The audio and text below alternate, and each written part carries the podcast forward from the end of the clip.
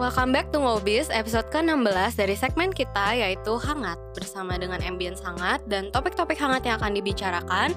Balik lagi nih, kita akan ngebahas semua berita-berita hangat seputar local brand di Indonesia yang terjadi pekan lalu.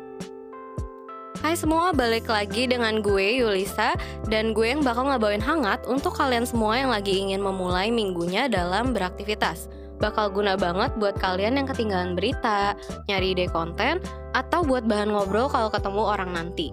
Dengerin aja berita hangat dari teman startup untuk bisa up to date dengan berita kekinian yang ada.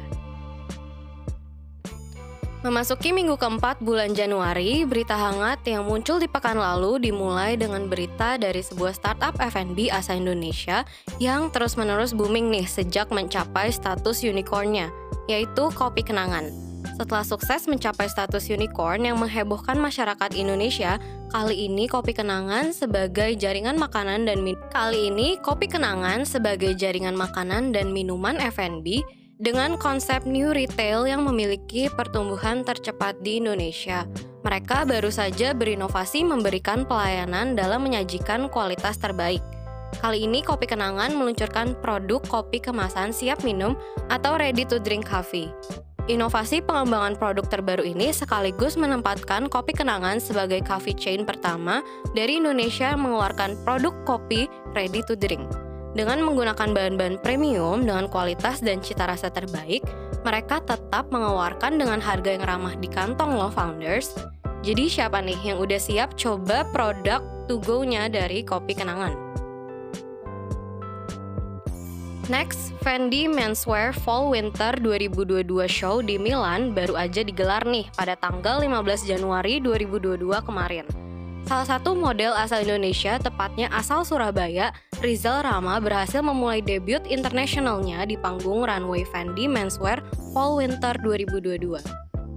Ia merupakan satu-satunya model asal Indonesia yang berpartisipasi untuk koleksi rancangan Sylvia Venturini Fendi dalam koleksi menswear Fendi.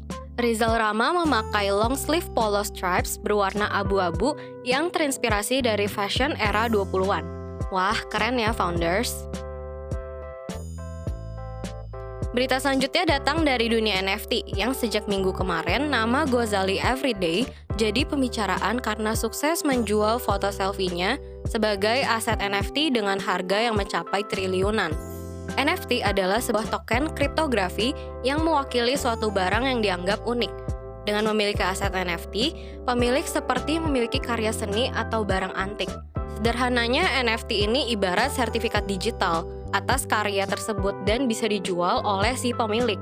Sejauh ini, si Gosali sudah memiliki 933 aset NFT yang ditawarkan di marketplace OpenSea.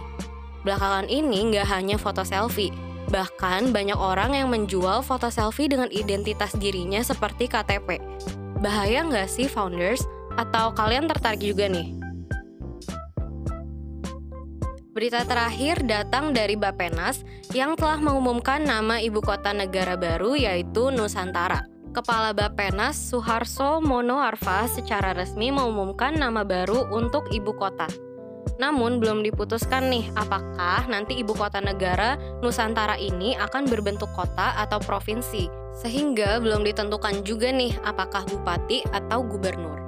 Namun, nama Nusantara ini telah dipilih karena sudah menjadi ikon Indonesia yang sudah dikenal di dunia global. Alasannya adalah Nusantara sudah dikenal dari dulu dan ikonik di internasional, mudah dan juga menggambarkan kenusantaraan. Oke, kita sudah sampai di penghujung recap berita hangat dari minggu lalu. Kalau para founders punya berita hangat lainnya, boleh nih DM kita di Instagram at teman startup untuk diangkat dalam berita hangat minggu depan.